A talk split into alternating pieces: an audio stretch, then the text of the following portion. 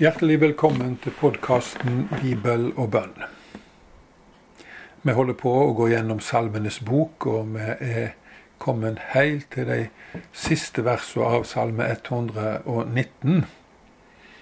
Og der leser vi slik i Jesu navn. La di hand komme meg til hjelp, for jeg har valgt dine påbå. Herre, jeg lengter etter de frelse. Jeg fryder meg over de lov. La meg leve og lovsynge deg, la dine lover være min hjelp. Jeg har villa, villa meg bort som en bortkommen sau. Leit etter meg, din tjener. Jeg har ikke gløymt dine bå. Hellige Far helga oss i sanninga, ditt ord er sanning. Åpna Skriftene for oss i Jesu Kristi navn. Vi går til vers 173, eh, det første verset jeg las. Salmisten appellerer til Gud om hjelp, og mener at Gud har gode grunner til å hjelpe han, siden han, han har valgt å bli en kristen, som vi, som vi vel ville ha sagt det i, i vår tid. Han lengter etter at Gud skal fri han ut av en eller annen vanskelig situasjon, og ut ifra vers 175 kan det se ut til at han er veldig sjuk. For der ber han om å få leve, og han mener det kan, eh, det kan være bra også for Gud, for da har han i alle fall én som lovsynger han på jorda.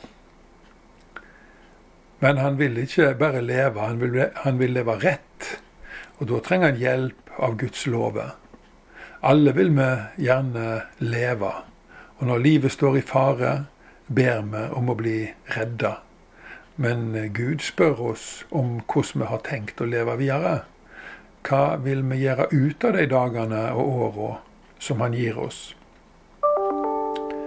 I vers 176 eh, så er vi kommet til avslutningsverset, og det er ganske merkelig, vil jeg si. Han føler på ingen måte at eh, han er der han skulle ha vært. Han kjenner seg som en bortkommen sau og ber om å bli funnet av Gud. Hvordan i all verden skal vi forstå dette her? Paulus skriver i Filippabrevet at han tror ikke om seg sjøl at han har grepet det, men han glemmer det som ligger bak, og så strekker han seg etter det som ligger framfor. En felleskristen erfaring er denne at jo lenger vi lever med Gud, jo mer forstår vi hvor stor avstand det er mellom det vi er, og det vi skulle ha vært.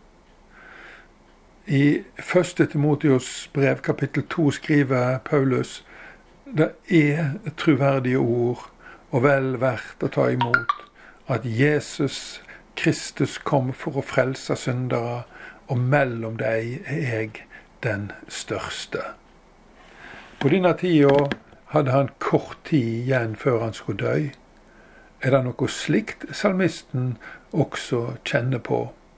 Ja, da tror i alle fall jeg. La oss be. Herre, vi takker deg for ordet ditt.